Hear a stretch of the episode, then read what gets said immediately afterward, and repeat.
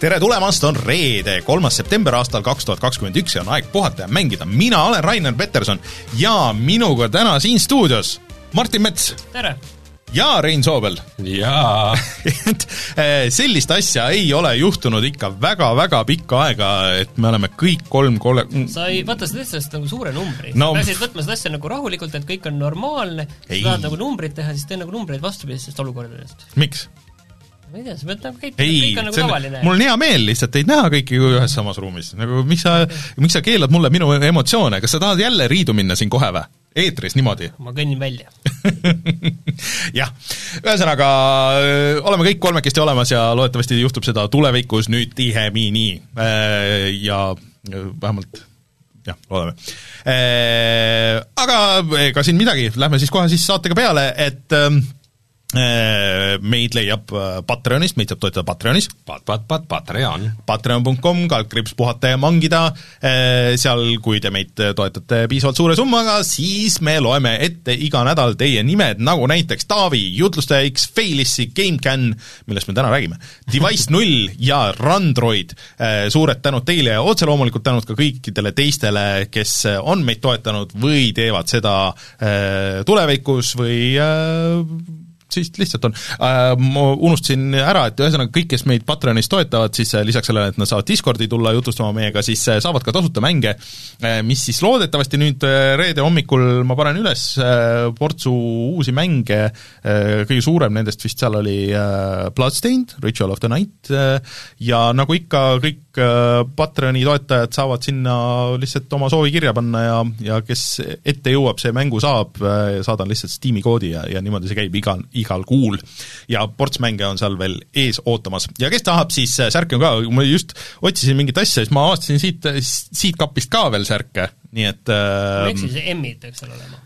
aa, need ongi need M-id, mida ma olen otsinud kõvasti no,. Okay. ma olen alati öelnud, et nad on siin ju ei ole, sa ei ole kordagi öelnud. olen alati, sa küsisid, kas oma. Äh, siin stuudios on veel särke, ma ütlesin jah, aga vist mm. ainult M-e mm.. luba mingi draama. ühesõnaga, särke saab ka veel, need peaks olema nüüd must-mustal, nii et äh, mul on teinekord, teinekord, ärme loosi välja, mul on teinekord tööl endal varusärke vaja võib-olla, tead ei, me ei loosi. piima peale endale. ei ole midagi, need lähevad äh, Patroni toetajatele, kes särke soovivad.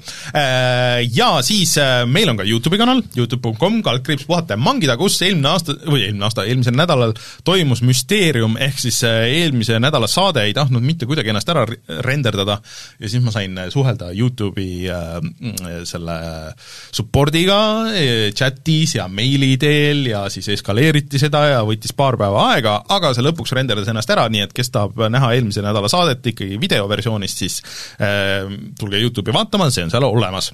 ja siis äh, ma tegin äh, ühe väikse striimi, Mysteeriumi striimi äh,, kus ma striimisin vanu mänge, sealhulgas näiteks äh, Batman Returns äh, Super Nintendo peal või siis äh, oota, mis me Äh, proovisime, mis juhtub, kui sa üritad mingit 3D mängu tööle panna, nagu PC versiooni, see ei lõppenud väga hästi äh, ja siis äh, mängisime Amiga asju vist seekord ei tulnud äh,, Neo Geo asju mitu, mitu tükki, nii et äh, minge vaadake striimi järgi, kui kõik hästi läheb, siis ma üritan neid ka tihemini ikkagi teha äh,.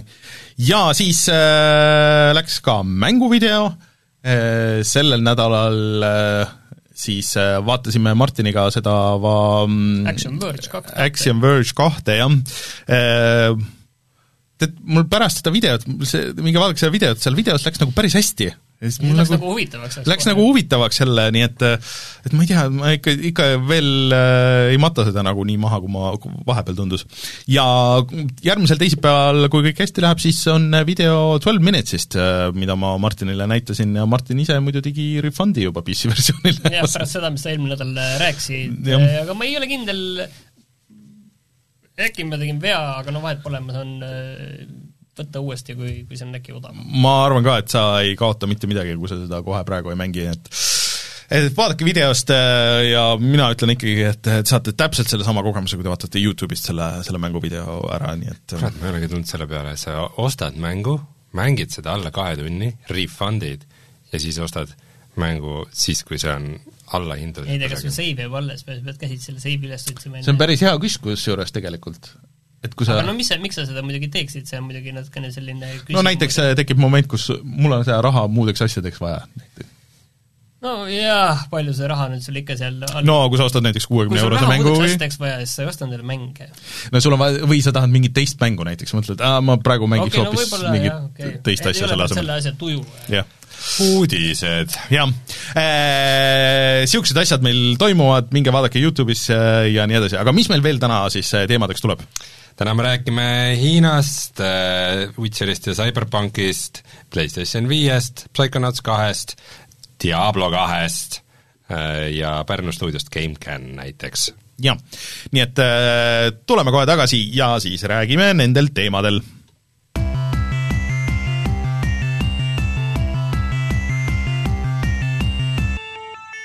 uudised.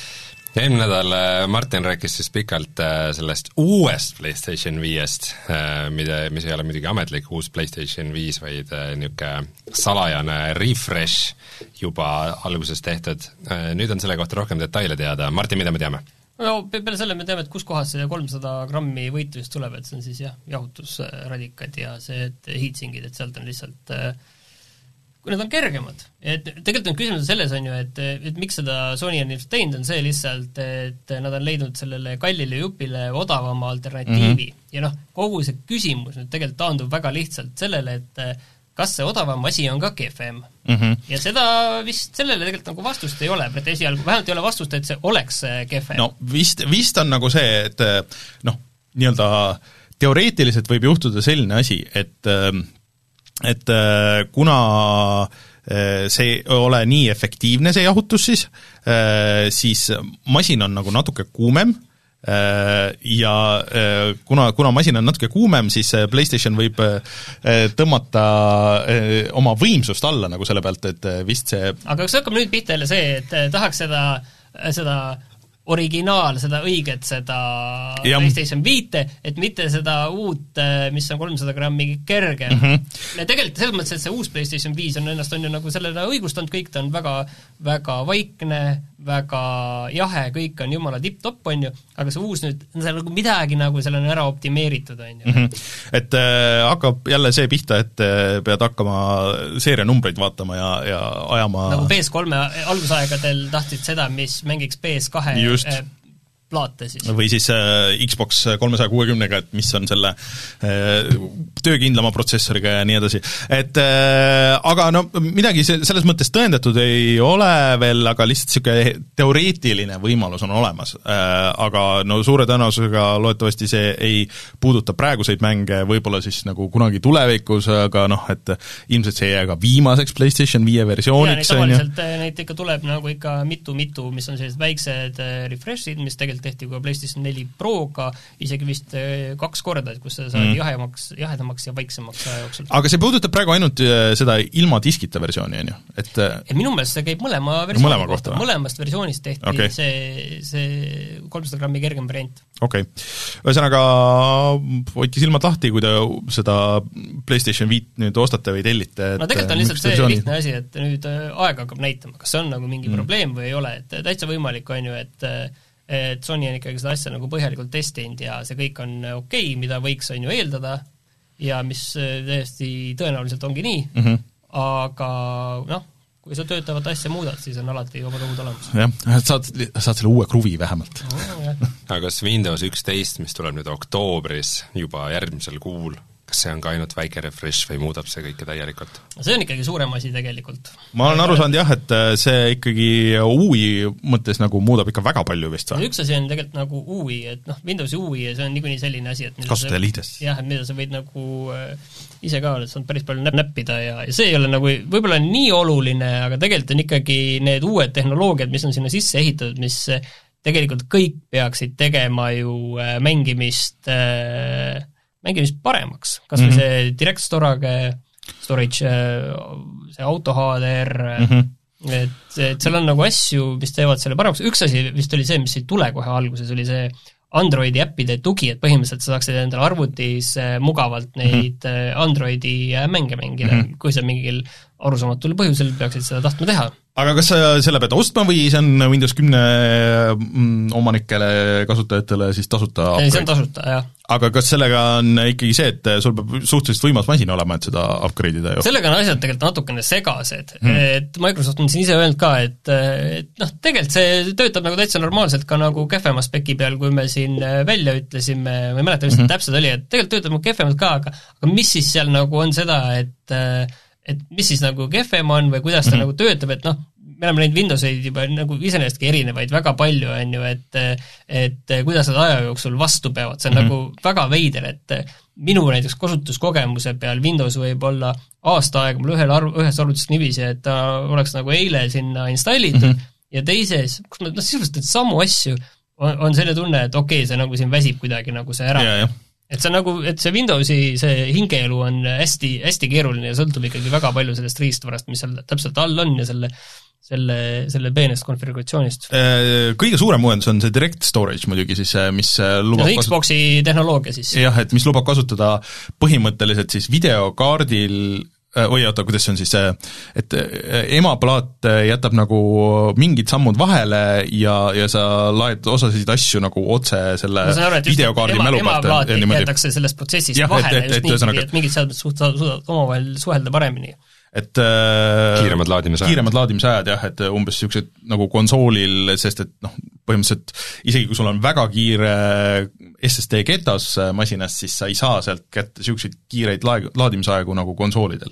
et see peaks nüüd tooma selle ka siis arvutitele nagu uutel konsoolidel, nendel kõige viimastel? jaa, kõige viimastel jah, no varastel ikka pigem olid nagu pikemad need laadimisajad, kõigil mm. olid mehaanilised kettad, aga et jah Martin, kas äh, kohe laed Windows üheteistkümne esimesel päeval, kui see välja tuleb ja soovitad seda kõigile? ei, ma ei, kindlasti ei julge niiviisi pimedalt ühtegi uut Windowsit soovitada, aga ma kindlasti ühte arvutisse selle panen endale jah, et vaadata, mis seal sees seda vist juba praegu saab nagu betana ja seda ma ei ole, ma ei ole tahtnud neid betasid võtta, et siis, kui see tuleb, see neliteist oktoober siis äh,, ei aga tegelikult see on üllatav, on see, et kui kiiresti tegelikult see areng on käinud viies oktoober tähendab? sest ma nüüd peast ei mäleta, millal see Windows üksteist välja kuulutati mm. -hmm. see ei olnud ju tegelikult ammu, see oli ikkagi, kas me räägime siin maist?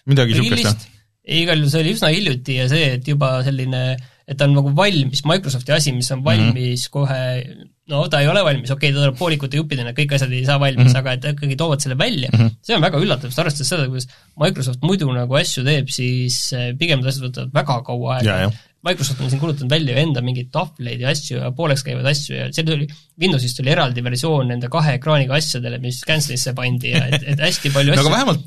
ja, ja need jäävad nagu sinna. Ja, ja see, et nii kiiresti tuleb välja, see on nagu päris üllatav no üldiselt ma nagu ei ole väga halba midagi kuulnud äh, selle kohta, kes seda kasutanud on, äh, peale selle, et, et alguses pidi vist äh, väga võimas masin olema, et, et, et, et sa saaksid installida. no seda võimast masinat, seda on tegelikult nagu läbi aegade Windowsi kohta räägitud, kas see oli äkki äkki see Vista oli see, mis pidi ka mingit ulmemasinat nõudma ja, ja, ja tegelikkuses ei olnud asi üldse no. nii hull, sest see, noh, seal oli vaata neid, see äh, graafilisi elemente oli liidesesse vaata nii palju just juurde toodud, kui ma ei eksi, oli see versioon see. no mul äh, selles mõttes, et mina ei saa kindlasti seda panna, kuigi mina äh, olen suhteliselt varakult tavaliselt nagu üle läinud, aga mul lihtsalt masin hakkab nii surema, et kui te vaatate seda Misteri striimi näiteks, siis stream lõpeb sellega, kuidas mul masin lihtsalt Windows siis täiesti kokku jooksis et äh, mul on ikka uut masinat häda vaja väga hädasti ja siis, siis saab hakata ka katsetama rohkem niisuguste asjadega aga Hiina riik ei taha, et äh, alla kaheksateistaastased äh, mängiks mänge.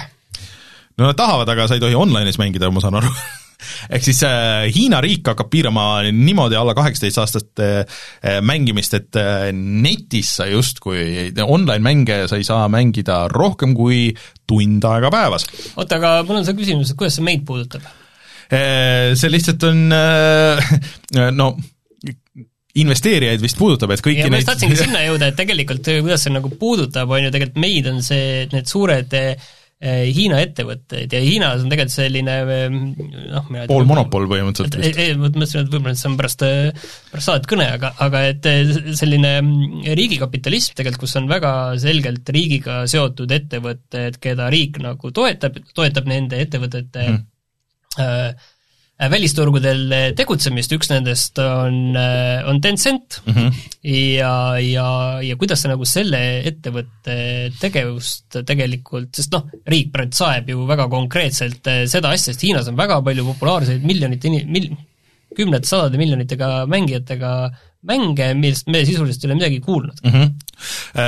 Ja just millegipärast online-mängud on, äh, ongi nagu Hiinas ju hästi ja. teemad ja just need, äh, mis on näiteks telefonimängud ja niimoodi, aga kuna Tencent on peaaegu et vist monopol, et äh, seal on vist üks teine suur firma ka, kes tegi mingeid liigutusi siin, äh, et tahavad seda äh, Yakuusa no, põhimeest üle osta. tegelikult on aga, väga palju viima-, viimastel aastatel tulnud seal ka stuudioid ja kes on tõesti, kelle kvaliteet on olnud aga päris... väljaandja on Tencent, vaata, Tencent ja siis, et sa pead vist, neil on mingi oma niisugune Steam'i analoog, kus sa logid nagu sisse, see on põhimõtteliselt ID-kaardiga pead nagu sisse logima, et sellega kontrollitakse siis seda, et kui vana sa oled ja nii edasi, on ju.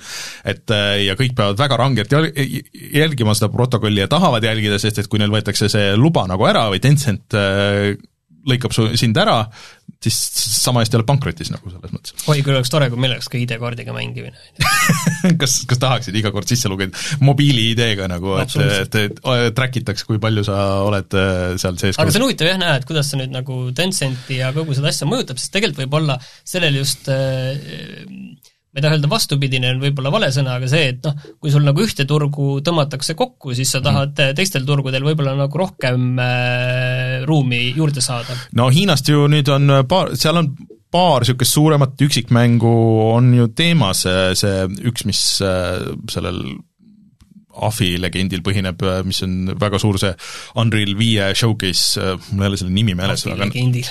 no see põhi, see Journey to the West.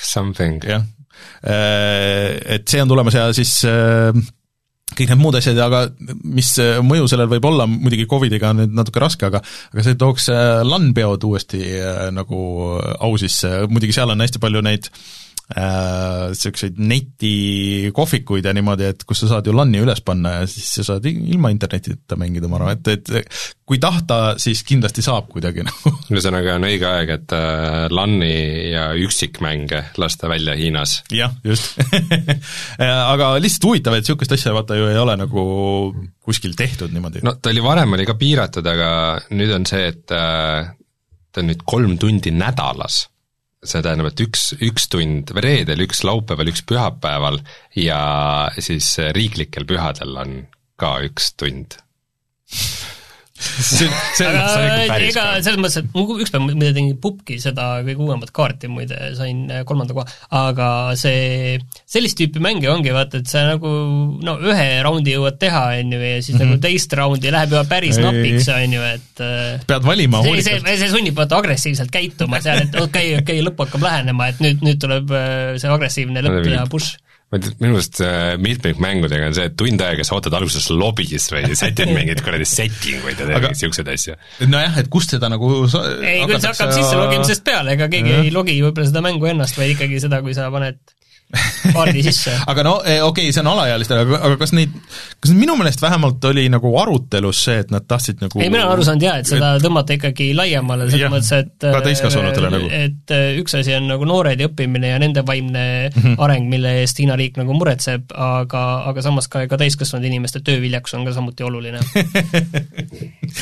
et eh, loodetavasti see, see idee jääb sinna Hiinasse, et seda nagu kaugemale seda pole vaja eksportida kusagile mujale, jah. aga, aga räägime nüüd et me lubasime rääkida Pärnu stuudiost äh, GameCAN, et äh, lugesin äh, meil, meie portaalile Diktor antud intervjuust, et neil on kaks enda mängu töös, et tuletan meelde, et nad andsid välja Early Access'is selle Overstepi mm -hmm. ja siis nad teevad kolme mängu tegelikult, et teevad teistele stuudiotele mm, -hmm. mis on tegelikult päris, päris suur hunnik projekte no.. ja üks mäng eile kuulutati välja, mis on siis Maximum Football kaks tuhat kaheksateist, mis on, ma saan aru, mingi selline Ameerika jalgpall, mida nad tegelikult, nemad teevad ainuüksi ja, ja, ja no, levitaja olemas ja kõik ja puha. aga ma saan aru, et bränd ise on nagu vana, et see on äh, kaks tuhat viis aastast juba pärit äh, ja noh, et see on ilmunud konsoolidel, et kas siis äh, see ilmub siis vist ka nagu konsoolidel, ma saan aru siis? jaa, et see, see on kindlasti nagu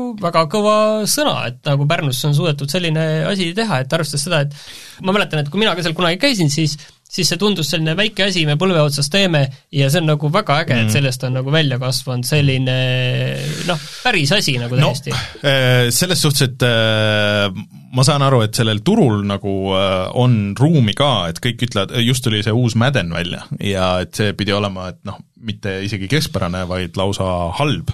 Et kui keegi suudab tabada nüüd seda, seda Ameerika jalgpalli nagu niisugust äh, soont ja teha nagu päriselt hea mängu, siis äh, no potentsiaali vist on, vist on üksjagu. aga Overstepi kohta oli ka juttu, et äh, et see nüüd oli Early Access, siis tuli välja millal eelmine aasta, on ju, ja siis ta mm, -hmm. ega ta seal nagu noh, ütleme nii, et hästi ei ole, on ju, läinud ja eks ta oli ikkagi veits toores, on ju mm, -hmm. aga, aga nüüd on plaan ikkagi sellele, on äh, läbirääkimised, et leida levitaja ja see peaks üsna ruttu äh, saama nagu paika lähinädalatel mm -hmm. ja siis, äh, siis sellele asjale ikkagi teha selline reboot ja okay. panna see asi toimima, rohkem no. raha taha ja rohkem, rohkem inimesi ja, ja äkki saab ju täitsa asja, sest see põhi noh, tuum on seal nagu olemas.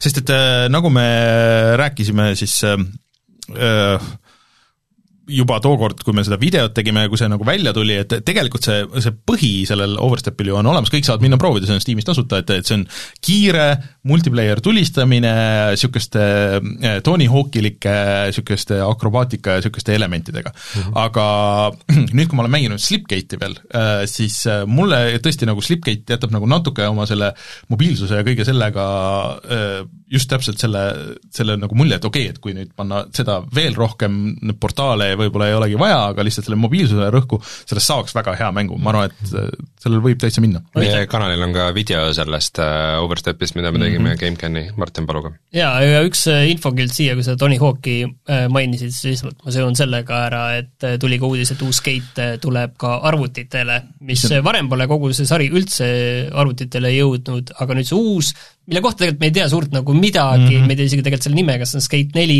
Skate äh, või midagi muud või, aga igal juhul ta tuleb, see öeldi välja. Äh, see, kuidas nad välja kuulutasid selle, see oli muidugi päris hea, et lihtsalt panid video sellest, kuidas keegi hüppab äh, üle CRT arvutimonitori ja siis oli kogu see nii aga see aasta ei pruugi siis tulla uute konsoolide update isid äh, Poola mängudele Witcher ja Cyberpunk kaks tuhat seitsekümmend seitse.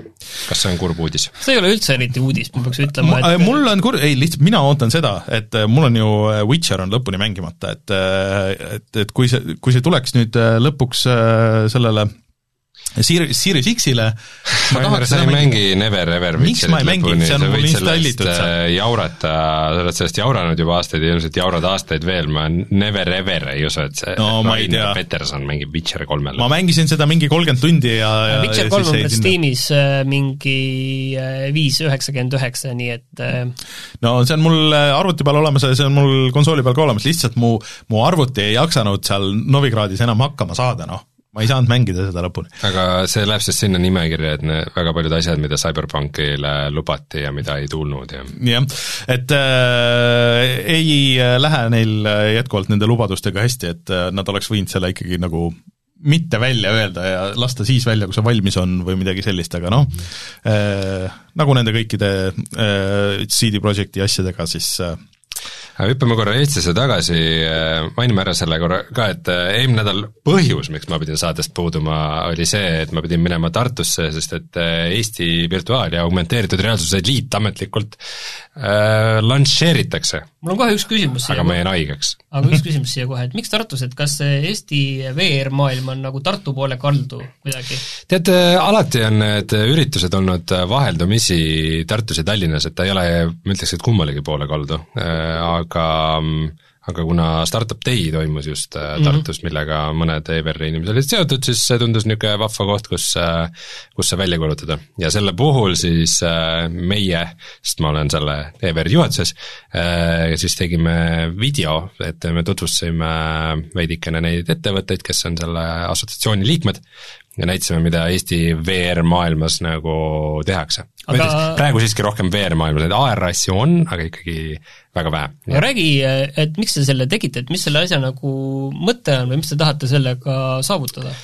no see EVR on, ongi niisugune nagu tore organisatsioon, mis nagu toob kokku inimesed, kes Eestis teevad VR-i, siis neid tegelikult noh, neid asutusi on, aga mitte nüüd nii palju kui mingeid muidu IT-ettevõtteid, et siis äh, koos olla veidikene nähtavamad ja inimesi harida ja öelda, et, et et see on nagu reaalselt asi, millega Eestis tegeletakse, millega võiks tegeleda palju rohkem, seda võiks toetada riigi poolt, seda võiks äh, Eesti ülikoolides ja keskkoolides võiks õppida kuskilt käib jutt läbi, et võiks toetada riigi poolt, siis mul jookseb külm jutt, jutt südame alt no läbi. riik toetab asju sageli valesti, pluss, pluss ka on ajaloos, lähiajaloos olnud päris palju igasuguseid äh, mingisuguseid riigihankeid, mis, mis noh, ilmselgelt ei ole nagu kokku pandud pädevate inimeste poolt ja ei ole nagu pädevate spetsialistidega arutatud, et need, neid inimesi on olemas Eestis, kelle, kes saaksid anda nõu ja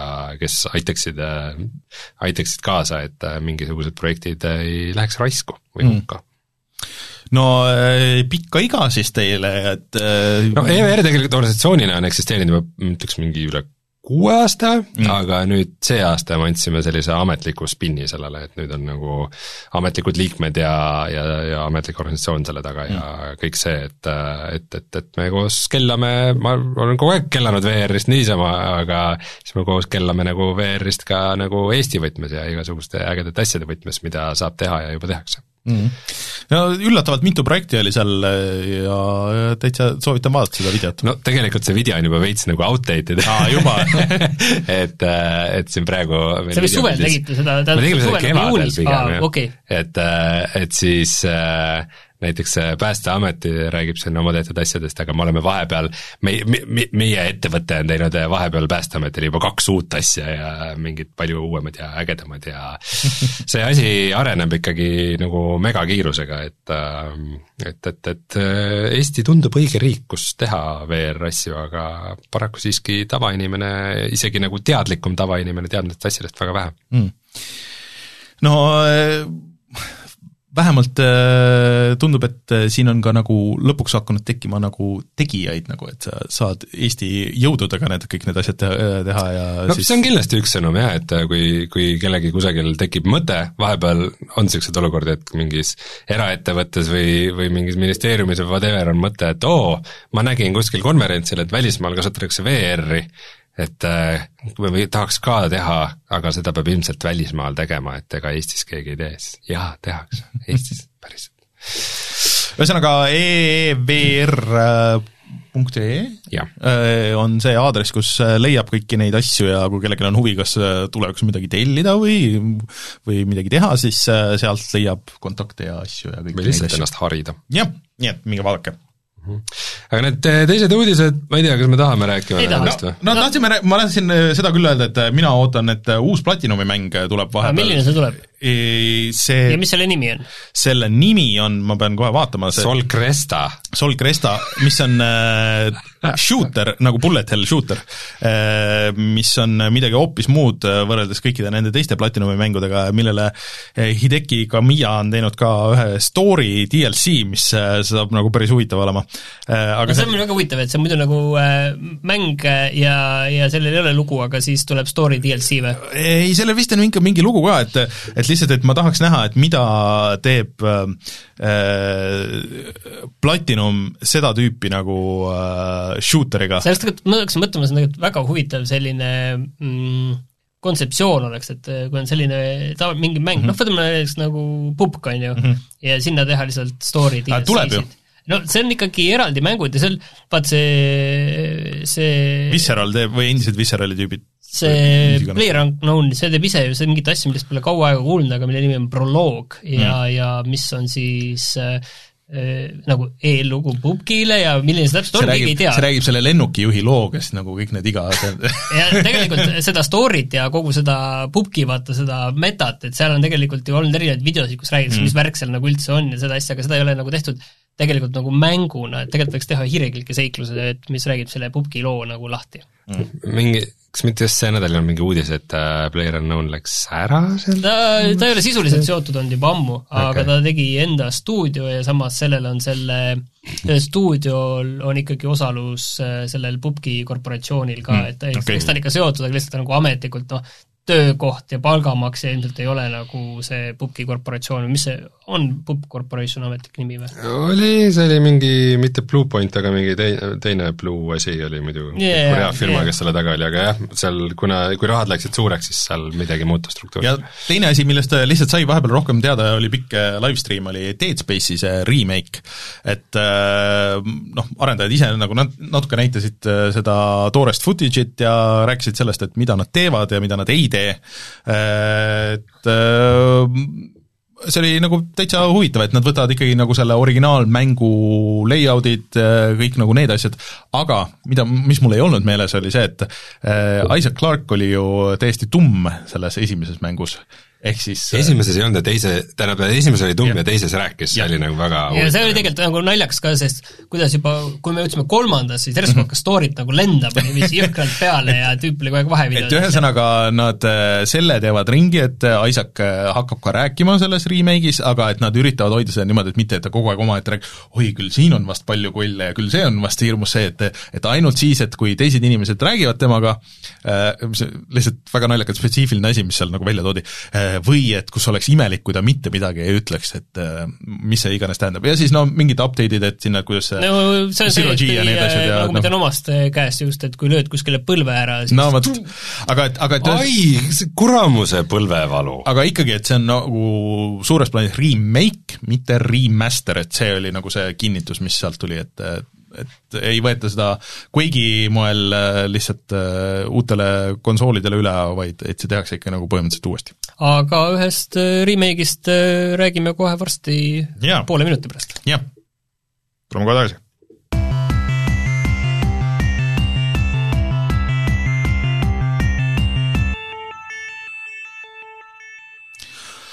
Millisest siis Quake'ist või?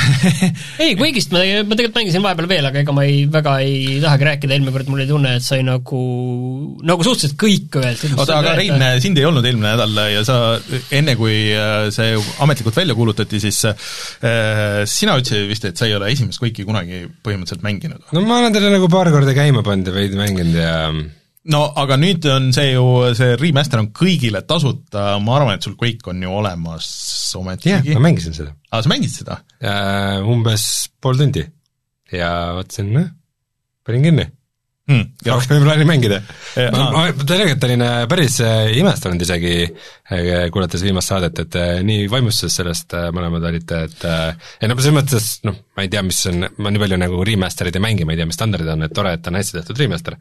aga mm, mul nagu Quake üks ei ole kunagi nii väga klikkinud ja ja isegi, kui ma mängisin teda nagu tuhat nelisada nelikümmend B peal ja siis äh, oli vist äh, FPS oli sada kakskümmend ja nagu tuiskad ringi ja ma ei tea, ta ei olnud? Ikka nagu, ta ei olnud nagu super huvitav, ta on nagu, ma midagi lugesin selle kohta, et või kas teie mainisite seda, et ta pidi nagu omal ajal olema vist hästi raske ja tänapäeval jah. nagu hiireklaviatuuriga see oleneb ikkagi raskusastmest ka tegelikult väga tugevalt. et kui sa nagu tänapäeval mängid, siis ta ei ole nagu nii raske, et siis võib-olla selles on asi, mina mängin aga raske raskusastmega ja need uued kaardid eh, kindlasti mitte ei ole kerged. Et kui sa eh, võtad nagu tegelikult selle nagu esimese kampaania mm -hmm. nagu võtad ja lähed sinna nagu normaliga sisse, siis sa jah, nagu vajutad sellisesse pehmesse võisse sellise mõnusa noa, on ju, et see võib tegelikult väga rahuldust pakkuv olla, aga, aga ta ei ole kindlasti raske, jah. mm. et äh, ma ei tea, mida sa mängisid, müsid, nii, et nagu täiesti äh, külma nagu, mis on huvitavam on- aga ma ei armasta neid relvi, ma ei armasta oi, no seal on see viga nagu selles mõttes, et äh, et äh, ei no selles mõttes ma Quake kahe relvadega ja Quake kolme omadega olen nagu väga-väga harjunud, et nagu ajalooliselt on huvitav, aga vaata need kõik need nagu sel-, selle esimese kampaania see level disain on suht niisugune kitsas ja ahistav ja ja vahepeal ongi see, et mingi käid mööda treppe ja siis nagu on mingi hetk mingi koll, see lased ta maha väga siis kiire ju selles mõttes, et tegelikult et aga kuidagi, ma ei tea, see ongi veits selline, et nagu mulle tundub, et see on ikkagi veidi liiga oma aja mäng, et nagu, et Ei, mina just avastasin tegelikult trepid. just vastupidist, et ta ei ole nii oma aja mäng tegelikult, kui eh, tegelikult, kui sa võtad midagi muud samast, ütleme, laias laastus samast kuus aasta jah, et äh, et siis tegelikult ta just ei ole nii oma aja mäng, et ta on täitsa nagu pädev siiamaani. et see võib-olla isegi üllatas mind, et et noh, paljude remaster itega on jah niiviisi, täpselt nagu sa ütlesid, et pool tundi vaatad, oh, väga tore, kunagi mängisin, tore näha, et see on olemas alles ja natuke uuem. aga see on just nii, et äh, mina tegelikult olen neid kampaaniaid seal edasi teinud ja see on tõesti nagu võimas. no näiteks Blood, mis oli ka väga hästi tehtud remaster, siis no see lihtsalt mingi hetk läheb nagu nii frustreerivalt raskeks, et noh, see ei ole nagu fun jälle teistpidi, Quake minu meelest on ikkagi nagu nii hästi disainitud juba selle oma aja kohta, et sul see flow on ikkagi nagu seal sees ja see on nagu vaat see on üks huvitav asi, et, et kui tulid varjumisega tulistamised ja või sellist tulistust nagu noh, Call of Duty on ju mm, -hmm. et et mis on nagu idee on, et sa näed, kui vastase kuul, vibunool, ühelt poole mingi asi, tulepall, mis ta sinu poole saadab, on ju, FPS-is mm, -hmm. sa nagu näed seda, on ju. Mm -hmm. et isegi seal Quake'is on samas tegelikult, vastasel on pumbad või siis neil on need äh, lasertüüpi relvad mm -hmm. nendel inimlaadsetel tegelastel, on ju ja siis äh, tuli see hetk, kus äh, sind nagu tulistati ja sa ei näinud seda täpselt, noh, tuumis tegelikult oli seda ka mm, -hmm. aga noh, oleneb vaata, kui selline kui rets see nagu on. Mm, -hmm. et kas sa tõesti nagu lihtsalt lähed ja, ja sulle tulevad nähtamatud kuulid igalt poolt sisse ja sul ei ole nagu midagi teha, on ju, siis äh, see on just võib-olla seal Quake'is selles raskes vastuastmes asi, et sulle tulevad need sisse ja sa ei saa midagi teha. Ja selles äh, laadis raskel raskusastel on see eriti rets mm. -hmm. et selles mõttes sa ei, nagu ei kannata välja see, et sa ei, sa ei näe asju, millest sa ei saa kõrvale põigelda ja siin ei ole ka varjumist, ei ole sinna nagu sisse ehitatud mm. -hmm. ühesõnaga hitscan-relvad või? mis? Hitscan-relvad yeah. või mm? -hmm. et äh, aga mina ikkagi soovitaks nagu kõigil proovida, et äh, mulle, mul on võib-olla, võib-olla meil on see nostalgia nagu ka, mis äh, ja, mängib, et et aga, aga mina tahaks äh, sarnast äh, ikkagi remaster'it Quake kahele ka, et see RTX on tore, aga, aga, aga niisugune nagu põhjalikum mm. remaster kahest oleks ka aga jõuame nüüd selle asjani, mis ma nüüd kümme minutit tagasi välja reklaamisin, ehk eh, Diablo kaks eh, Resurrected. jaa äh,, siis mitte nüüd see, vaid siis eelmine nädalavahetus oli Diablo kahe open beta, millest ma täitsa juhuslikult kuulsin sõbra käest, ma ei tea, miks nagu kuidagi mängumeedias üldse ei mainitud seda või mulle tuli see kuidagi üllatusena ja siis ma natuke mängisin seda, ta oli ähm, äh, piiratud kujul äh,, ehk siis äh, seal oli seitsmest tegelasklassist vist viis ja ainult siis kaks esimest maailma siis Rogue Camp ja mm, kõrbemaailm. Ja siis äh, ma natukene mängisin seda, uurisin seda ja see on väga-väga sürr kogemus, selles mõttes, kui sa oled mänginud Diablo kahte nii palju nagu mina, Diablo kaks on üks mul läbi aegade lemmikmänge ja ma ikka nagu aeg-ajalt lähen selle juurde tagasi, see aasta alguses just äh, moodidega äh, tegin kõik kolm raskusastet läbi, äh, mis võttis päris kaua aega. Ja siis, kui sa mängid seda, seda remaster'it, mis on siis nagu nagu graafiliselt eh, nagu täiesti ümber tehtud, ta on nagu täiesti 3D mäng, aga selle all tuksub siis täielikult selle vana mängu süda, et sa saad isegi nupuga vahetada, kõik nagu need süsteemid on samasugused, kõik nagu mängu feel on täiesti samasugune, siis, eh, siis see ikka, see ikka täiesti nagu äh, võttis mu jalust nõrgaks. mul on üks küsimus tegelikult siin tekkis kohe, et et vot seda asja on, et saad nupuvahetusega, saad vajud, vahetada seda vana ja uut, on ju mm, -hmm. et seda on ikka tehtud, aga aga see on ka sees? ja nüüd ma küsin, tegelikult ma küsin ongi, et kas see on nagu kõige suurema vahega asi, mis on tegelikult niiviisi tehtud? et tegelikult see on sama mäng, seda tehti StarCraftiga, on ju, tehti, aga seal oli see mhm. suhteliselt väikese vahe, et kas siin on nagu see kõige suurem vahe üldse, mis on tegelikult tehtud sellise ma arvaks küll, sest see ikka, kui vaeva seda nuppu vajutada, siis see on ikka jahmatav. ma isegi natukene tundub, ma ei tea, võib-olla see on nagu harjumise küsimus, kui sa ühega ära harjud, aga et et, et nagu selle vana versiooni nagu veel FPS-i kuidagi veel alla tõmmatud või ta ikka on nagu üks, paar freimi sekundis tundub, et liiguvad animatsioonid ainult, aga noh, selle Diablo kaks ei olnud nagu ilus mäng äh, tehniliselt, äh, isegi siis, kui ta nagu just oli välja tulnud, et äh, kaks tuhat aastal siis mul oli naljakas asi, ma mäletan seda, et Diablo üks nägi minu meelest parem välja kui Diablo kaks, sest ta oli kuidagi ja. nagu stiilipuhtam, et tehniliselt oli Just. Diablo kaks oluliselt, oluline edasiminek, aga see see natukene selline Tead, isegi... liiga optimistlik asi, mis nad tegid, see liiga optimistlik stiil Mi. mingi, mingi veider jama on alati nagu Diablo kahega olnud, et ta on kuidagi vaata seal need 3D sprai-, 3D-st renderdatud spraidid ja nad on kuidagi hästi madala kvaliteediga renderdatud või kuidagi no tollel ajal lihtsalt ei olnud võimalik vist seesama asi Diablo oli üks minu meelest nägi nagu parem asi välja oli isegi. mul minu meelest selle Reedel Ert kahega, mille kõrval ma vaatasin, et oi-oi, siin mingid vanemad äh, Command and Conquerid näevad nagu paremad välja ja seal oli ka ilmselt mingi sarnane tehnoloogia, et äh, ja need spraidid kuidagi tundusid seal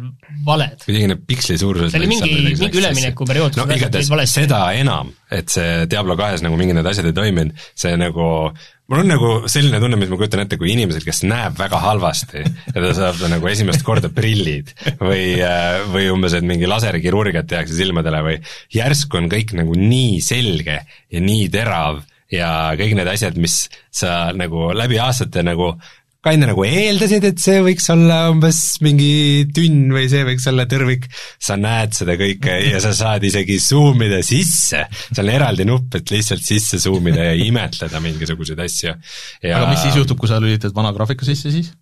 äh, ei, siis see vist ei toimi, see Okay. Zoom, ma vist isegi testisin äh,. Ja see, no see on ikkagi minu jaoks nagu noh, ma ütleks, et, et see, see hetk, kus sa nagu vaatad seda, oli ikka minu jaoks, ma arvan, mingi kaks tuhat kakskümmend üks aasta parim, parim elamus nagu mängus või nagu kõige kihvtim moment, et äh, ma paar korda mängisingi niisama mitmikmängu mingite suvaliste inimestega, sõpradega ka, aga suvaliste inimestega ka ja siis siis äh, oligi mingi teise tüübiga äh, noh, ma ei ole kunagi väga palju mitmikmängu mänginud, sest lapsena ma pirasin Diablot äh, ja siis äh, ma väga hästi ei tea, kuidas see käib, et tundub, et inimesed väga palju ei suhtle seal ikkagi omavahel, aga see ongi see, et kõik teevad nagu mingit oma asja või siis äh, umbes mingi tüübiga kuskil dungeonis seal tapad kolle ja siis vahepeal üks tüüp jääb seisma ja siis ütleb, kuule tead, see on ikka ilgelt äge jaa, ma tean, see on nii äge et see nagu täiesti amazing moment. mitte, et see nagu täiesti veatu oleks, mul on tunne, et äh, nagu seda 3D sisu on nii palju ja kuna nende põhitiim on ilmselt nagu Diablo nelja juures, siis ilmselt nad on ikkagi nagu outsource inud päris palju aga kas seda mitte ei tee ju terves ulatuses seesama tiim, kes tegi seda Tony Hawk'i remaster'it? No, no kindlasti mingisuguseid 3D asset eid ja asju nad äh, on nagu outsource inud, aga, aga ongi, et vahepeal kuidagi selle mm, kuidagi selle nagu visuaalse stiili üleminekuga nagu, et vahepeal kuidagi mingid kohad näevad veits niisugused nagu hallid või elutud välja, et läbi, tänu sellele, et nad nagu veidikene nagu realistlikumaid värve kasutavad, siis niisugune nagu loetavus äh, nagu värvide mõttes on mm -hmm. veidikene kannatanud, aga samas on kuna on loetavus loetavuse mõttes ja nähtavuse mõttes, siis see on nagu ikkagi palju parem. ja siis äh, ümber on tehtud siis ka need äh, legendaarsed äh, vahevideod, mis näevad äh, uskumatult head välja, praegu siis nägin neist ainult äh, kahte, aga ma väga huviga ootan neid äh, ülejäänust ka. ja mm, üldse, ma ei tea, ma tunnen, et äh, no, Millal see nüüd välja tuleb? see tuleb septembri lõpus välja, ma, see, et ma mängin seda, see on nagu, see on nagu kindel, mul ei ole nagu mitte mingisugust valikut kunagi olnudki selles osas. See, kui palju ma seda mängin ja kas ma jään seda mängima ja see on kõik nagu noh, sõltub sellest, et nagu sotsiaalsest elemendist seal ümber ja niimoodi, aga ma ei tea, igatahes see on kõik üliäge ja ma aga... loodan, et sealt tuleb üks väga hea remaster. aga selles mõttes, et see on nagu noh, see on nagu selge, et see on äh, uus äh, uus välimus ja kõik nagu need asjad, aga kas on teada ka nagu seda, et äh, mis, mis seal uut on või kas seal on midagi uut nagu äh, lisasisu mõttes?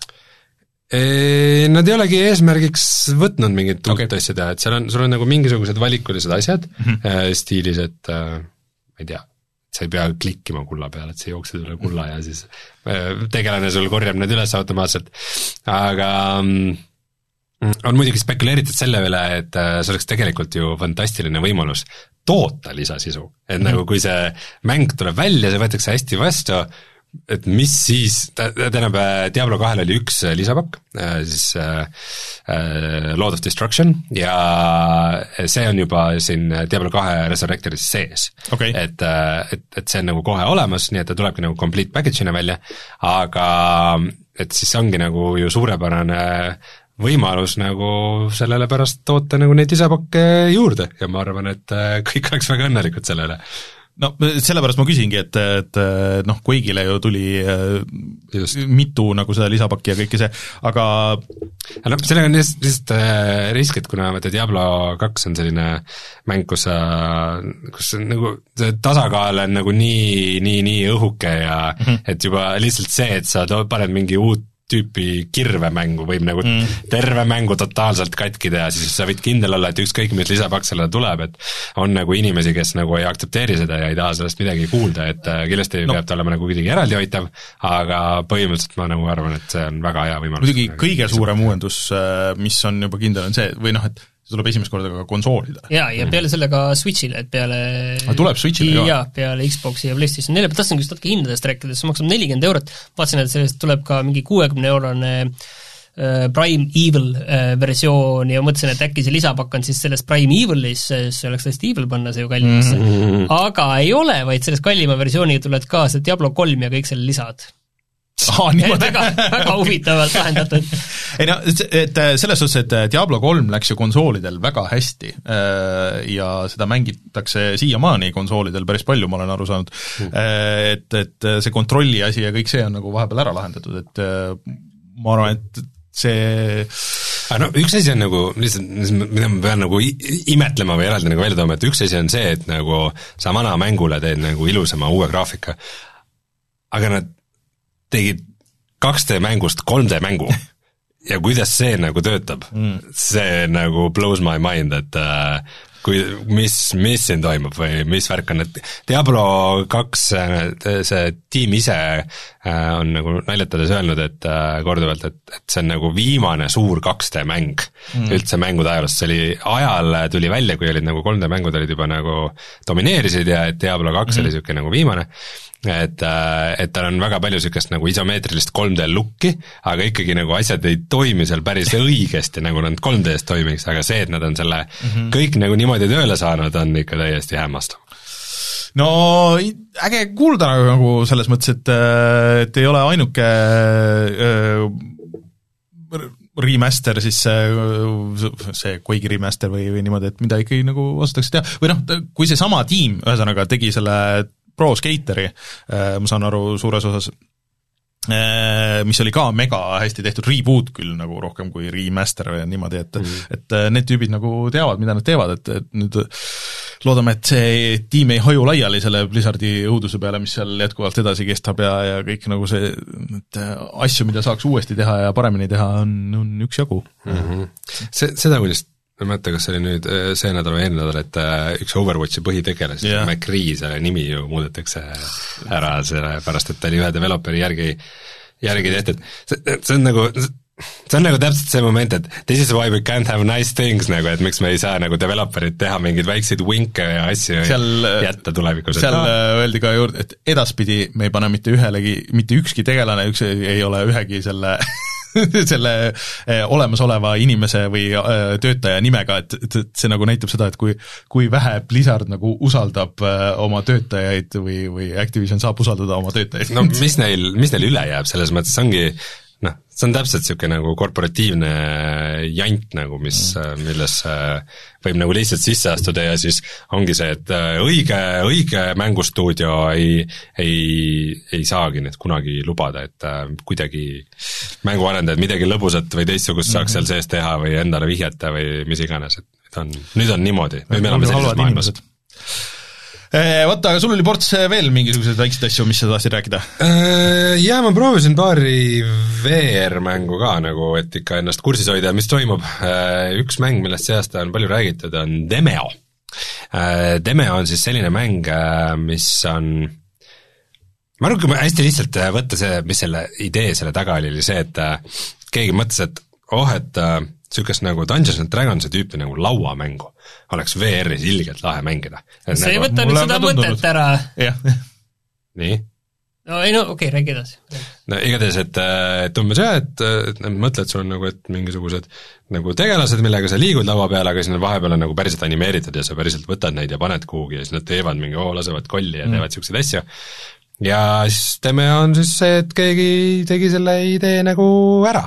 et äh, sul on äh, mängulaud mm,, ta on mitmikmäng põhimõtteliselt, mingi skirmish mode või asi oli, aga põhimõtteliselt äh, nagu niisugust erilist nagu üksikmängu ei olegi mm. ja siis sul on vist neli tegelasklassi, kellest sa valid ühe tegelase ja umbes siis mingi neli-viis mängijat äh, neli-viis tegelasklassi ja neli mängijat, siis koos mängivad ja sa näed siis teisi inimesi ka ümber mängulaua ja nende käsi mm. nagu tegutsemas ja siis äh, samal ajal siis chat ite ja räägite, et oo, nagu mina teen seda ja ma teen seda ja läheks sinna ja nagu koordineerite ja mm, ta on siis käigupõhine, ehk siis mm -hmm. nagu üks, üks teeb oma asja ära, jah, neli tegelasklassi siiski.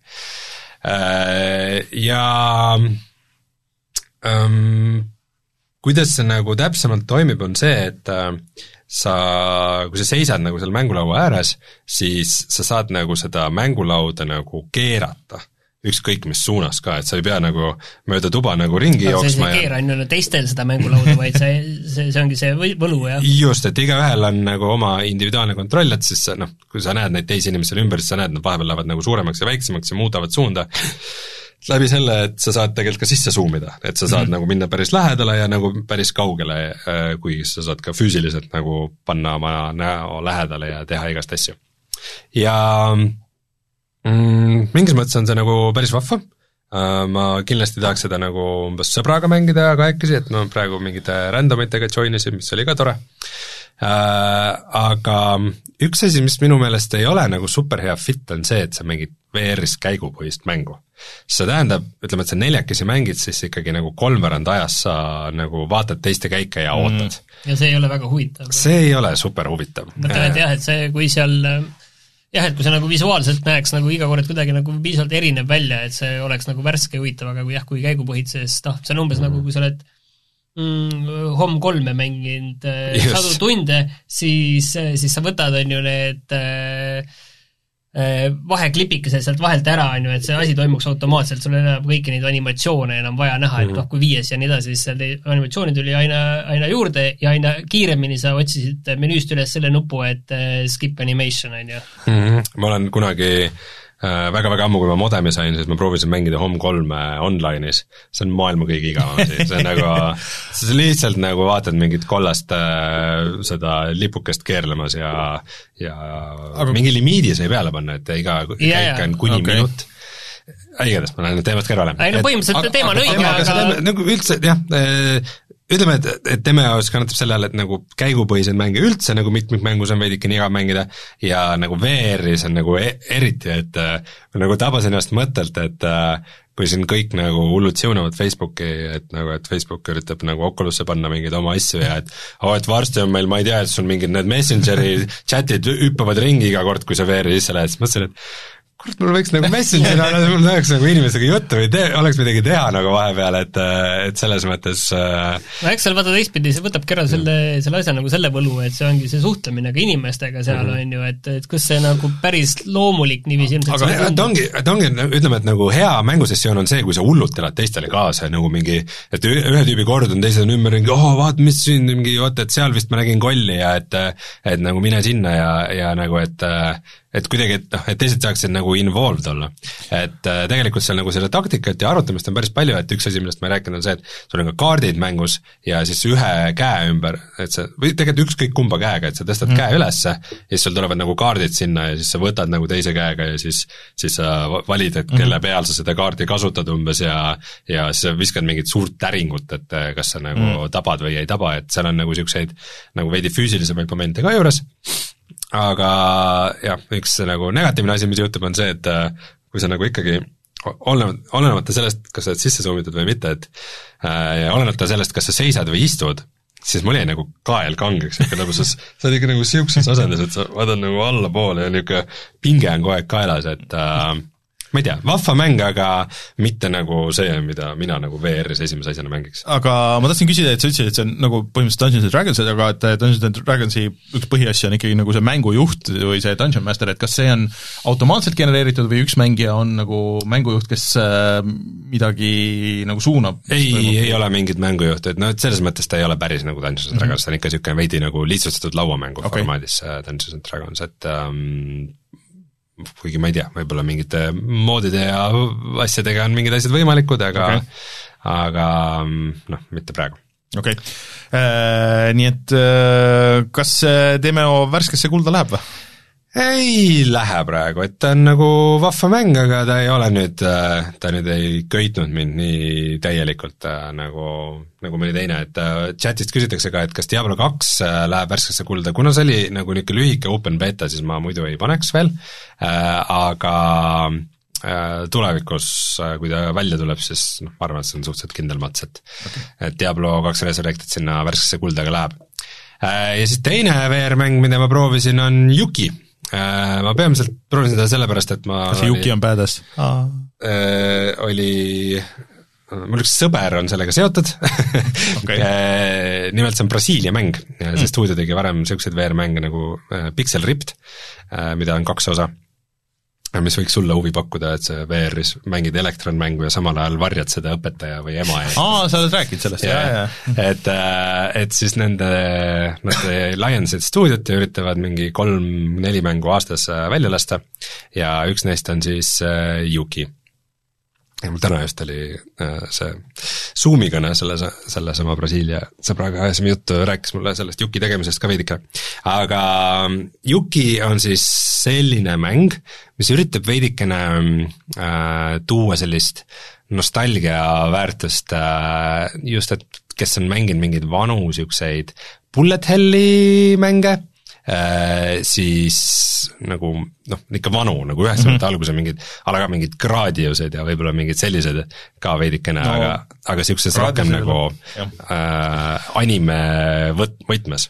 ja see, kuidas see mäng välja näeb, on, on niimoodi, et sa nagu peategelane, ehk siis Yuki, niisugune nagu mingi robot-tiibadega tütarlaps ja sa hoiad teda nagu käes ta on nagu reaalselt su parem pult on see nagu tegelane okay.. ja siis sa liigud nagu mööda levelit edasi, igal pool on kollid ja siis rail shooter siis ühesõnaga äh,? Siis äh, nad tulistavad sind ja siis sina nagu tulistad nagu temaga vastu, et tema kätest nagu tuleb niisugust nagu mm -hmm asja. võlukuule ja siis äh, samal ajal sa pead ka tegema seda, et, et äh, see tegelane ei saaks pihta ehk siis see nagu reaalselt füüsiliselt aa, sa nii-öelda ekraan ei pea saama, ekraan nagu võib saada pihta nii-öelda, mis tavaliselt aga sul see tegelane ei tohi saada pihta? see tegelane ei tohi okay. okay. nii et äh,, nii et, et sina oledki lihtsalt selle tegelase juhtija ja siis vahepeal neid kuule nagu päris palju, siis ongi see, et sa hüppad mööda tuba ringi ja vehid ja üles-alla sellega ja proovid oma, oma kätt sealt kusagilt vahelt nagu läbi pista, et kuskilt kuulimerest nagu läbi saada ja see idee on nagu väga-väga fun sul on vasakus käes on on siis ka niisugune robot, äh, millega sa saad Oi, ka mingisuguseid asju koguda ja möllata, aga nagu noh, niisugune nagu füüsiline aspekt äh, panna juurde sellisele shooterile on nagu vahva. see on äh, pigem selles suhtes bullet hell mitte nagu, mitte nagu Gradius, see on ikka edasi, see on nagu Dodonpachi või, või Radiant Silvergun või mõned need cave'i shooter'id, see on ikka niisugune, ikka gramm äh, kangem kraam nagu selles mõttes. ma olen ikka mänginud, need ei ole lihtsad. Ja see, no mul on nagu see asi, et mul ei ole nagu niisuguste bullet hell'i mängudega väga nagu niisugust nostalgia väärtust, et äh, et see, see stilistika mind nagu hullult ei kõneta. Äh, ja noh, mingitel hetkedel oli natukene ka tunne, et ma nagu mängiks mingi Barbiga. Hüppan mööda tuba ringi ja mul on mingisugune äh, väike tüdruk nagu on käes ja piu-piu-piu sellega, et see, et noh, et kui Beat Saberit mängida, see on see, et sa tunned, et sa oled ilgelt cool, siis mul nagu Yukit mängides ei olnud tunne, et ma olen väga cool. Aga, aga see mängitavus iseenesest nagu toimib, ta on vahva, ta on äh, siis äh, rogu-lite mäng. Mm, -hmm. ehk siis sa teenid mingisuguseid ressursse ja kui sa surma saad, siis hakkad nagu algusest peale ja siis on vahepeal mingid suured vägevad bossi võitlused ja sa avad nagu eri mingeid nagu tegelasklasse mm -hmm. või nagu eri, eri versioone sellest Yukist. ja sul on ka nagu mõned lisavõimed, et umbes, et sa saad vaenlasi külmutada ja vahepeal ajutiselt mingisuguse kilbi omale ette teha ja nagu selliseid asju teha hmm.. et ähm, ma ei tea, mingis mõttes nagu fun mäng äh,, aga mm, samas mind nagu hullult jõhkralt ei kõnetanud okei okay., no mulle tundub küll huvitav jah, tõesti, aga see on äh, siis äh, mis, mis platvormidel? Äh? ta on siis nii Oculus Questil kui ka Steamis okay.. et mõlemas on täiesti olemas, et nad vist teevad praegu ka seda PlayStation VR-i mm. versiooni ma vaatan vahepeal üle ja, ja räägin, äh, muud väga ei ole jõudnud see nädal mängida, aga ma olen mänginud äh, nüüd kõvasti edasi äh, Psychonauts kahte. Ja kui ma siin mõni kuu tagasi või olin nagu või ma ei tea, millal sa, Martin, selle Ratchetiga nagu sinna alustasid, on ju, et siis juuni keskel jah, et ma olin natuke kade su peale, et, et, et ma oleks väga tahtnud Ratchetit mängida, siis mul siiamaani PlayStation viite ei ole, aga Psychonauts on, Psychonauts kaks siis on väga hea asendus sellele, sest et siin on olemas kõik need asjad, need reilide peal nagu sõitmised, äh, tulistamine, äh, siis äh, portaalid, väga hea story, kõik need asjad on olemas, kusjuures portaalid toimivad sama hästi ka sa siin Xboxi peal kui, kui võimatu, PlayStationi peal. võimatu. Lähed portaalist läbi ja sa ei saa arugi, sa oled täis, täiesti teises ruumis. sa näed ikka konkreetselt ilusti. näed, näed, ma saan aru, et neid tuleb siin mängu lõpupoole tuleb rohkem, aga isegi nagu praegu see taha jäi kinni videosüüst tegelane. aga nüüd, nüüd ongi nagu see, minu meelest see võrdlus, et kui Ratchet vaata võrdluses on, see on niisugune suur blockbuster, see on see film, mis on kinos, on ju.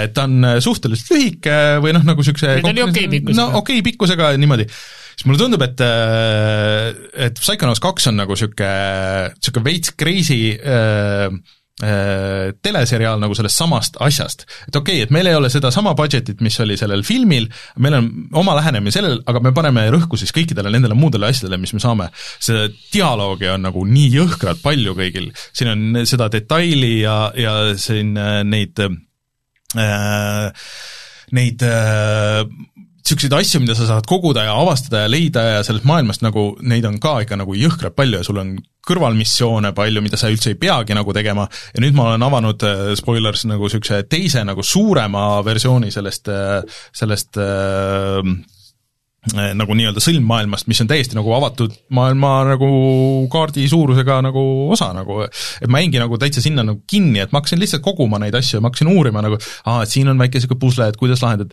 et kuna seal on see Tim Schaferi ja kogu nagu selle Double Fine'i nagu see kogemus taga, et et noh, kõik need Äh, hiireklikimängud ja mis nad on teinud, siis väga paljud need äh, sama stiili mõistatused ja pusled on toodud nüüd siis sellesse 3D platvormikasse, mida oli selles originaal Psychonautsis ka, aga oluliselt vähem aga siin on nagu ikka seda väga palju ja see kuidagi töötab, et see on niisugused väiksed nagu etüüdid, et okei okay,, et kui sa tahad seda teha, siis on nagu see, et tal on vaja mingisugust asja või sa pead välja mõtlema, kuidas siit nagu sinna saab.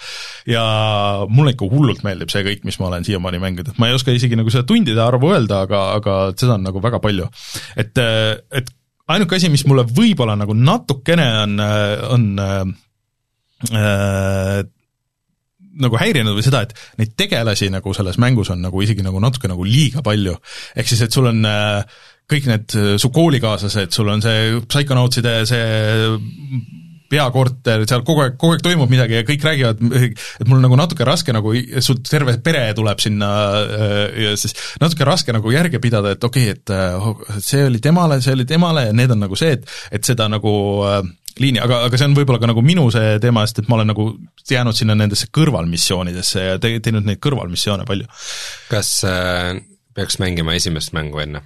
ei arva, et see on vajalik, et esimene mäng oli omas ajas nagu ikka väga hea äh,, kui sa oled 3D platvormerite sõber, et siis ta nagu ilmselt toimib, aga et äh, see story nagu antakse seal alguses nagu väga hästi edasi ja see noh, tuleb nagu hiljem veel, mängitakse läbi ka, et muidugi nad teevad seal nalja selle üle, et, et sa lähed nagu kellegi pea sisse ja siis sa ahah, et ma olen selles äh, esimese mängu siis selles keskkonnas, et aga ma ei olegi siin olnud, kui aa ah,, nagu paar päeva äh, tagasi olin viimati, et, ehk siis see Psychonauts kaks ju leiab nagu aset nagu põhimõtteliselt mingi kolm päeva pärast äh, seda mm. esimest mängu, kuigi vahepeal on kuusteist aastat, eks ole, olnud.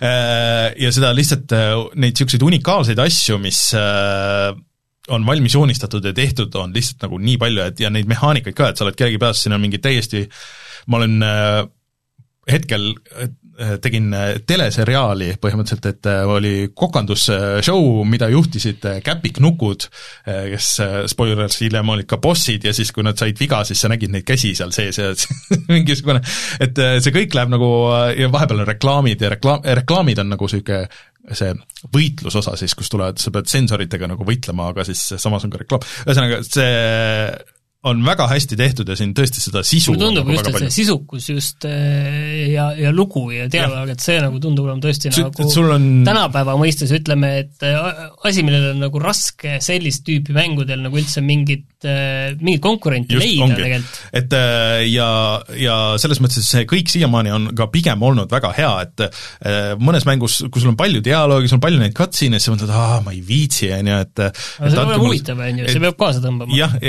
aga nad, nagu ka esimeses mängus, nad annavad sulle võimaluse, kui sa ei taha, sa saad skip ida iga dialoogi, iga cutscene'i, siin vahest nagu save point imisega nagu on see, et sa ikkagi nagu saad surma mingites situatsioonides, on ju, save point imisega on see, et näed, siin oli portaal just meil ekraanil, et sind visatakse nagu tagasi kuskile enne mingit cutscene'i, aga ma alguses mõtlesin, no nii, et kas ma tõesti pean vaatama kõik, aga sa saad kõik skip ida, kõik uuesti teha, või noh, nagu selles mõttes, et see ei ole nagu mingi probleem. Nii et äh, mina väga soovitan ja ma nüüd, eelmine nädal ma ei julgenud veel panna, ma tahtsingi just sinna jõuda. just, et ma panen selle kindlasti värskesse kulda ka ja et et kuigi see on Gamepass, siis, siis see on üks niisugune jaa, ma ei, ostan selle kindlasti endale ka ära, et see et, tundub, et asi, mis on kindlasti seda väärt. et mina tahaks seda füüsilise mänguna lausa, et on mul nagu niisugune, niisugune tunne, et aga sa mängid seda sellel Xbox One'il? jah, Series X-i peal, jah. Series X-i peal mm. -hmm ja näeb päris ilus välja ka vist, jah? ta näeb väga ilus välja, et seal ainuke probleem nüüd ongi võits võib-olla see, et tal need laadimisajad, mitte et need laadimisajad oleks pikad, aga seal on laadimisajad see on juba tänapäeval on nagu nii äh, sellest mõttes ära hillitanud, et jah, siin ekraani peal meil jookseb praegu Psychonauts kahe video, et vahepeal näiteks sind visatakse 2D platvormikas mingis ja noh, vahepeal sind kogu maailm läheb siluettidesse ja on mingi spy thriller ja, ja nagu kõik noh, et, et siin on lihtsalt nii palju, et nagu mis toimub, et mul on raske isegi nagu sellest nagu rääkida tagantjärgi. et äh, ah, jah, võib-olla niisuguse nagu lihtsalt sellise üldise küsimusena, et et äh, kui siin räägitakse, et Ratchet and Clank on hea mäng ja Psychonauts kaks on hea mäng, kas kas need on nagu nii head mängud, et me hakkame aasta lõpus nägema neid aasta parimate mängude tabelites raske või, öelda või praegu veel, on aus vastus, et no, minu jaoks on tegelikult aasta olnud väga õhuke, et minu jaoks võib-olla on Ratchet sellepärast, Raineril mulle tundub, et ilmselt on ükskõik, milline see aasta tuleb. Mul ikka jah, kuna see on, see on nagu sada protsenti mulle tehtud mäng, et ma olin väga suure esimese osa fänn, see, ma mängisin seda kuidagi hästi õigel ajal, siis kui see välja tuli, mulle meeldib see Double Fine'i nagu see stiil äh, väga ja mulle meeldivad ka 3D platvormerid, siis noh, nagu selles mõttes, et äh, siin ei ole nagu mingit nagu selles mõttes küsimust. Double Fine'il ikka niisugust nagu hitti või suurt mängu ei ole ikka nagu väga-väga no me rääkisime just, et yeah. viimane mäng neil oli tegelikult see Broken Age nagu, mis oli see isegi ei mäleta. see oli see hiireklikikas, see oli üks esimesi Kickstarteri nagu edulugusid. seega päris ammu. see no, ikka ei, väga ammu. kaks tuhat kolmteist, neliteist. aga seda nad, noh, sellel ajal, kui nad äh, seda Psychonauts kahte hakkasid tegema, siis nad minu meelest nagu neid väiks-, nad on välja andnud vist paar mingit väiksemat asja, aga nad ei ole teinud, et mingi vahe nad, neil oli see teema, et nad iga aasta tegid äh, kaks nädalat võtsid kõik stuudio nagu kokku, tegid prototüüpe ja siis sealt valisid kaks-kolm tükki välja, mis arendati nagu lõpuni mänguks, eks iga aasta tuli mingi paar-kolm niisugust väiksemat mängu, mis olid ka nagu väga head, aga noh, mitte nüüd midagi nagu nii suurt. aga et vist väidetavalt intervjuude põhjal et Microsoft tuli, et Microsoft ju ostis ära Double Fine'i, et nad tulid nagu päris õigel ajal, et see Psychonauts oli nagu, kaks oli siis suht nagu valmis, aga et nad olid nagu selles situatsioonis, et okei okay,, et me nüüd võib-olla vist peame nagu selle välja andma, aga et, et noh, välja nagu selle, nende ressurssidega, mis meil on, et me peame hakkama nagu tõmbama koomale nagu mingeid asju, et nagu sealt, et Microsofti see ost andis vist selle võimaluse, et ei, et kõik, mis seal mängus sees oli, kõik lõpetati ära, kõik tehti valmis, kõik ideed said nagu ära viimistletud. Ja noh, nagu tõesti nagu nii viimistletud mängu Double Fine ilmselt nagu ei ole siiamaani välja andnud. ja et seda on nagu kõik näha, et, et sinna on ikka nagu pandud, et okei okay,, et kui me teeme, siis teeme korralikult ja paneme ka kõik nagu, mis meil on, kõik paneme siia sisse ja see on minu meelest nagu ära tasunud siin mm. -hmm ma, see on kohe meil saate pealkiri tuleb siit, et kas esimest korda on Gamepassis hea mäng? Gamepassis on väga palju väga häid mänge Rein, räägi parem ühest veel mängust ise Äh, Jaa, ma natuke mänginud ka veel äh, Subnautica Below Zero't, äh, olen siin muud asjad vahepealt ära lõpetanud ja siis mõtlesin, kurat, mul on ikka nagu pooleli see Below Zero ja ma peaks seda ikka edasi tegema, et kuigi ma nagu hakkasin vahepeal nagu ree pealt maha kukkuma. Ja äh, jah, mulle ei meeldi, kui, kui Rainer ütleb jätkuvalt, aga tead, et Subnautica on jätkuvalt hea mäng. Ja ta on, ta on nagu, kui, kui neid kuramuse lumeleveleid ei ole, kui ma saan ikkagi seal vee all nüüd äh, mängida seda õiget Subnauticat, see on ikka, see on ikka nagu täiesti maagiline mäng, et äh, ähm, Subnautikas on siis see, et sa mm, pidevalt äh, nagu siis arendad mingeid uusi tehnoloogiaid ja teed neile upgrade'e ja pead leidma mingeid uusi ressursse, et seda teha ja siis läbi selle sa saad minna järjest sügavamale. ja siis ongi, et äh, oled kusagil äh, ilgelt sügaval mingisuguses, äh, mingisuguses kuramuse laevarusude all kuskil merealustes koobastes ja, ja lähed veel sügavamale ja mõtled mm., et see on lihtsalt niisugune nagu ürgne tunne, et ma ei taha sinna alla enam minna ja see on nii jube, aga siis see ikkagi äh, on kuidagi nagu äh, tasub ära ja, ja sealt tuleb midagi head ja siis äh, põhiasi, mis ma teen, on see, et ma sõidan oma rekkaga ringi, äh, oma vesirekkaga. Äh, ehk siis ähm, see on niisugune väike sõiduk, aga sa saad talle siis panna külge nagu mooduleid, nüüd mul on nagu, et ta koosneb nagu kolmest jupist, kõige tagumise küljes on veel eraldi suur eksoskelett ehk siis proon, nii et ma nüüd, nüüd järgmine kord, kui ma mängin, ma saan niisuguse päris mõnusa kaadervärgiga ringi sõita ja ehitada oma baasi suuremaks ja avastada ja see story on hakanud avanema minu jaoks ja ma ei tea, ma olen nagu tubli kuusteist tundi mänginud ja see on nagu, see on nagu mäng, kus ma vahepeal mõtlen, et et võib-olla ma ei peaks nagu kiirustama sellega, et sellest nagu läbi, läbi progresseeruda, et võib-olla ma nagu just peaks tegema seda, et ma nagu võtan ühe õhtu lihtsalt nagu nokitsen oma baasi kallal või lihtsalt lähen kusagile avastama ja äh, kohati see disain ja kõik need elukad ja sõidukid ja kõik, mis need on, ma kuulasin hiljuti üle selle esimese Subnautica GDC talk'i ja nad rääkisid sellest, et kuidas nad nagu lasid selle esimese Subnautica ka nagu early access'i mänguna mm -hmm. välja ja siis pidevalt nagu lisasid sinna asju juurde ja juurde ja juurde ja äh, said nagu mängijate tagasisidet, aga et noh, et neil oli nagu eesmärk, et nagu seda pidevalt seda content'i mm -hmm. hoida ja lä-, tänu sellele nagu nii esimene Subnautica kui ka Below Zero on nagu lihtsalt niivõrd palju sisukamad mängud, kui üks niisugune nagu keskmine kahe A mäng äh, võiks olla, et, äh, et nagu, et on alguses suht kiiresti tunne, et sa oled juba nagu kõike näinud äh, ja siis, ja siis sa avastad nagu lihtsalt veel ja veel ja veel ja mm.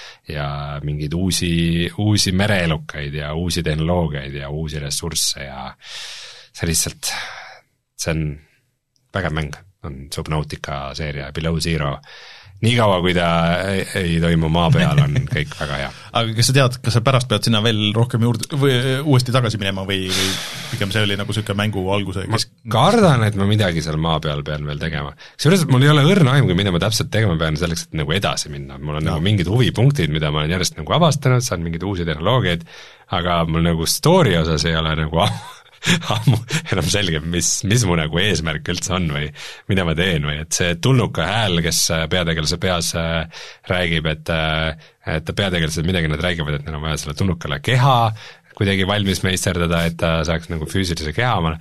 miks see vajalik on täpselt, ma ei ole kindel, kuidas seda teha, ma ei ole kindel, aga tundub, et see on asi, mis nende jaoks on oluline no. et ähm, jah, et umbes mul on mingisugused äh, Äh, umbes blueprint ides on mingisugused tehnoloogiad, mingid tulnukatehnoloogiad, aga mul pole mingit masinat, kus ma neid teha saaks, et mul on tunne, et mul on nagu mõned asjad on minust nagu mööda läinud mängu käigus, aga, aga samas, äh, samas mulle ka meeldib, et äh, see mäng ei hoia nagu liiga palju kätt, et okay. äge. no aga Subnautica ilmselt on praegu praeguseks juba kõigile olemas, sest see on olnud Epicus tasuta ja see on igal pool olnud äh, ja Subnautica Below Zero ilmselt vist ei maksa täismängu hinda, see oli mingisugune lisapaki hind, et odavam. et äh, et kui, kui ma varem ütlesin, et pigem, et nagu, et äh, jääge selle algse Subnautica juurde ja et selle Below Zero'sse ei ole vaja nagu ilmtingimata ronida, siis see järjest rohkem mulle tundub, et see Below Zero ikka ka väga tasub ennast ära, kuigi no muidugi mingites asjades ta kindlasti kordab neid asju, et mm. et, et kindlasti on ka momente, mis mul olid juba esimesest äh, äh, Subnauticast äh, väga meeldisid ja meelde jäävad, et äh, kolmkümmend eurot maksab Steamis mm. -hmm. et äh, mida ma lihtsalt kogen nagu uuesti. selge. no aga loodetavasti siis jõuad sellega lõpuni mingi hetk ühel päeval. jah, aga mängud kõik mängitud, tuleme siis tagasi ja vaatame, mis on internetis odav.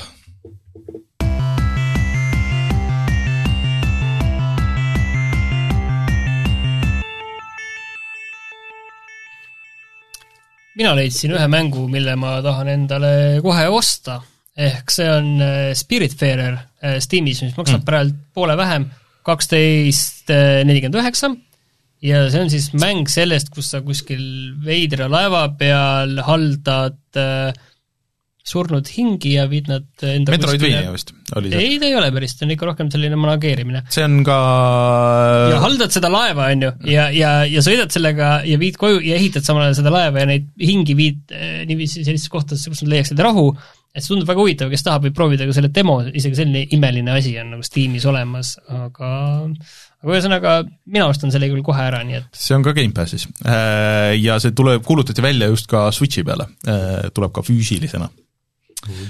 Ja Five oh five Games'i publisher sale on ka Steamis, mis tähendab, et Death Stranding on praegu kuuskümmend protsenti alla hinnatud, noh kontrolli on juba igalt poolt äh, ette taha saadud, see Ghost Runner on ka praegu äh, kaksteist eurot ainult, et see on nagu üks asi, mida ma olen nagu natuke mõelnud, et äkki peaks seda proovima. meie soovituses peaksime alati mõtlema välja selle, et mäng, mida ma ostaksin või mille me nüüd kohe pärast saadet ostame, vaata või ka No, Epicust tasuta võtame. no ma, mina Yoko's Island Expressi kindlasti soovitan, ma tegin selle läbi Switchi peal, kui see välja tuli kas äkki kaks aastat tagasi ja mulle see hullult meeldis, mis on, see on siis äh, kombinatsioon Metroidvania ja pinballi mäng. Nii et äh, proovige järgi. ja Martin, Anno tuhat kaheksasada on kakskümmend neli eurot praegu Epiku poes, noh kaua sa ootad selle mänguga, nagu see on nagu defineeriv Anno mäng, kui kaua sa saad elada ilma, et sa oleks seda mänginud? vot ei tea, jaa see ei olnud see õige vastus, ei olnud õige vastus. ja tasuta on siis äh, Epiku poes praegu Yoko's Island Express ja järgmisel nädalal on niisugune mäng nagu Sheltered. vahepeal oli ju ka see äh,, ah noh, see vist lõppes juba tänasega ära, siis see, see Saints Row see remaster, mis äh, ma mingi hetk avastasin, et äh, tuli suhteliselt värskelt, ma millegipärast arvasin, et see oli vanem, see tuli eelmine aasta vist äh,. Vot aga selline oli meie saade sellel nädalal minge vaadake meie Youtube'i kanalile siis, kus on juba mitu videot sellel nädalal läinud üles ja loodetavasti siis äh, järgmine nädal see äh, Twelve Minutes'i video, mis äh, tuli suurepärane. tuli suurepärane tõesti. just on ikka hea öelda, tuli suurepärane video. Äh, nii et äh, vaadake seda ja siis äh, me oleme tagasi järgmisel nädalal, näis siis, kas oleme jälle kolmekesti, no tore oleks, parem oleks. ähvardad? ähvardan jah. nii et äh, mina olen Rainer, minuga Rein ja Martin, kohtume järgmisel nädalal, tšau! tšau.